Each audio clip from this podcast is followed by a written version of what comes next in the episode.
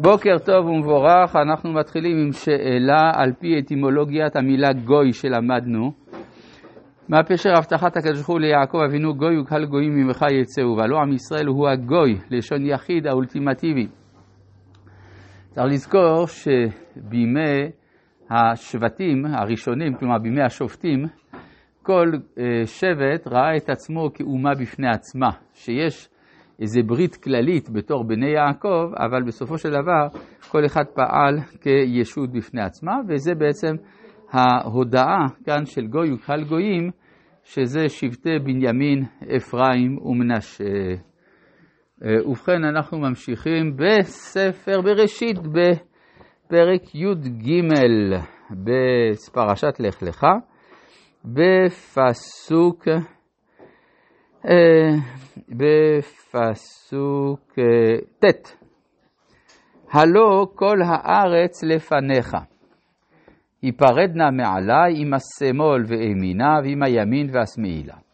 אז אנחנו רואים שאברהם, באופציות השונות כיצד לפתור את הסכסוך שהיה בינו לבין לוט, העדיף את החלוקה הטריטוריאלית. מה משמעות הביטוי הלא כל הארץ לפניך? צריך לזכור באיזה מקום כל זה מתרחש. זה מתרחש בין בית אל ובין העי, בהר הנקרא הר בעל חצור, שממנו רואים גם את עבר הירדן. כלומר, האמירה כל הארץ לפניך היא אמירה טופוגרפית מפורשת, כלומר מוחשית. באמת הם ראו את כל הארץ.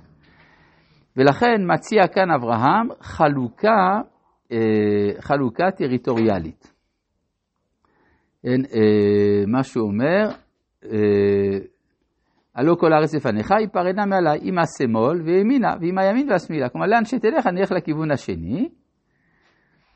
ויישא לוט את עיניו, וירא את כל כיכר, את כל כיכר הירדן, כי כולה משקה לפני שחט השם את סדום ואת עמורה, כי גן השם כארץ מצרים.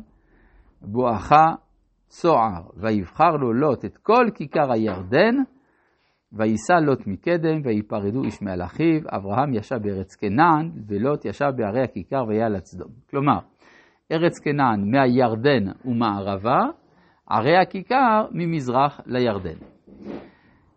אה, הפסוקים האלה שימשו פעם את, אה, את, את היהודי לובה אליאב. לובה אליאב מבוני הארץ הוותיקים, היה גם מראשי תנועת שלום עכשיו. מעשה בלובה אליאב שעמד בחברון בהפגנה מול היישוב היהודי בחברון. ותוך כדי שהוא מצביע על בתיהם, אומר, הם אומרים שהם באים בשם אברהם. והלא אברהם אמר, היפרדנה מעלי ואל נתי מריבה ביני וביניך. אם כן הם פועלים נגד אברהם, נגד יצחק ונגד יעקב. עד כאן דבריו של לובה אליאב. טוב, לגבי יצחק ויעקב זה הרי לא הוזכר בפסוקים האלה, אבל מה עם אברהם? האם לובה אליאב צודק שאברהם לכאורה אומר שעדיפה חלוקה טריטוריאלית על פני המלחמה, או שמא יושבי אה, היישוב היהודי בחברון, הבאים בשם אברהם, שקיבל את חברון בירושה, הם הם הצודקים. אז לכאורה, ברור שלובה אליאב אומר את מה שהכתוב אומר, כן? שאברהם אמר, עדיפה חלוקה טריטוריאלית.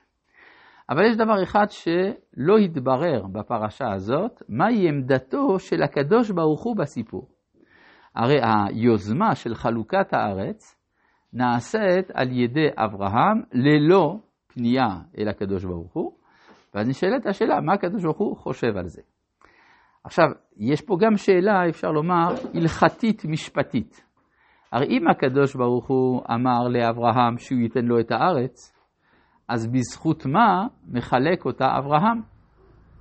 אבל אם אנחנו חוזרים לפרק י"ב, פסוק ז', אז נאמר שם, ויאמר לזרעך אתן את הארץ הזאת.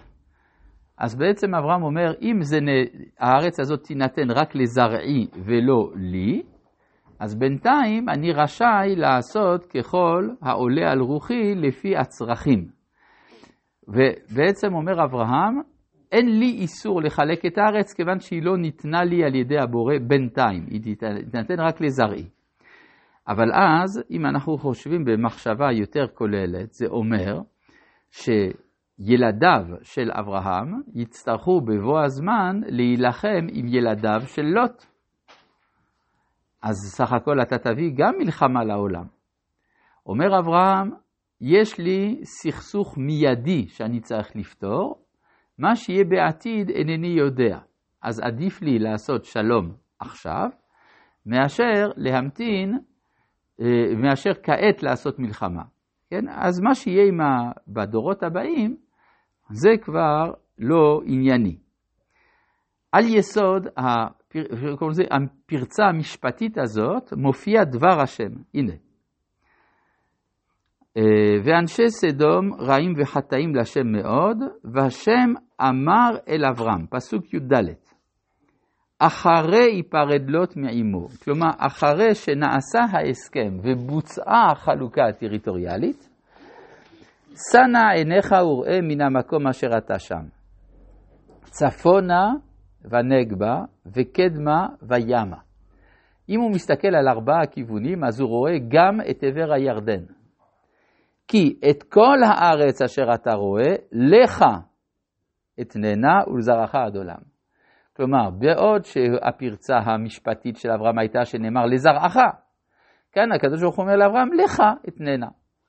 זאת אומרת, אתה תצטרך עכשיו לכבוש בחזרה את כל הארץ, כולל מה שנתת ללוט. או במילים אחרות, אנחנו נראה שאברהם ייקלע בעל כורחו לסכסוך צבאי יותר גדול ממה שהוא רצה למנוע על ידי עשיית משפט עם לוט. כלומר, אם לוט היה נשאר אצל אברהם, אז היו עושים משפט. אבל עכשיו שלוט נסע אל עבר הירדן המזרחי, הדבר הזה יסבך את אברהם במשהו יותר גדול ממה שהוא רצה למנוע.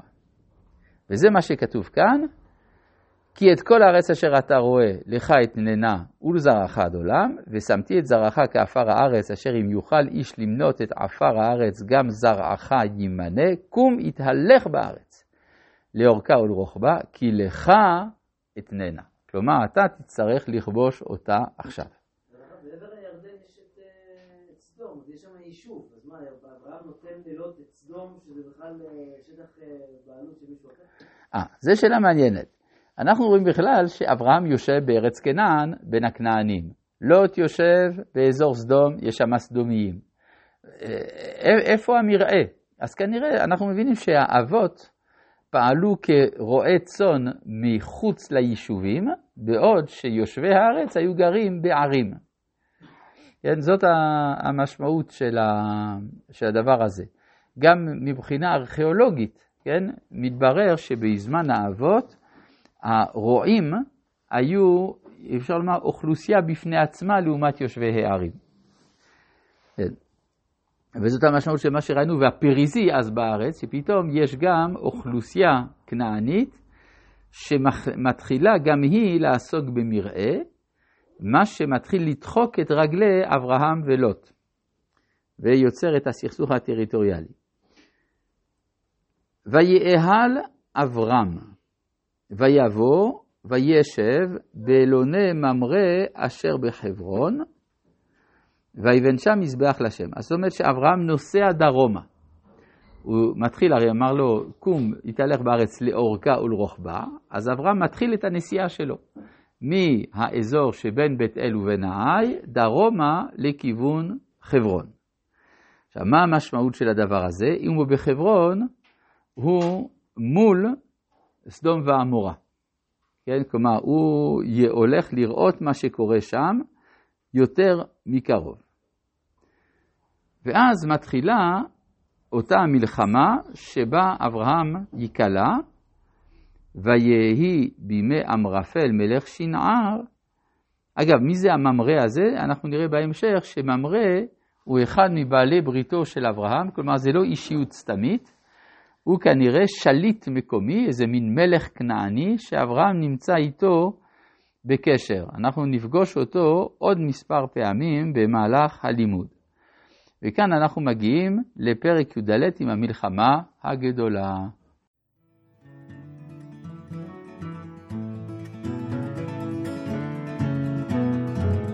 Yeah.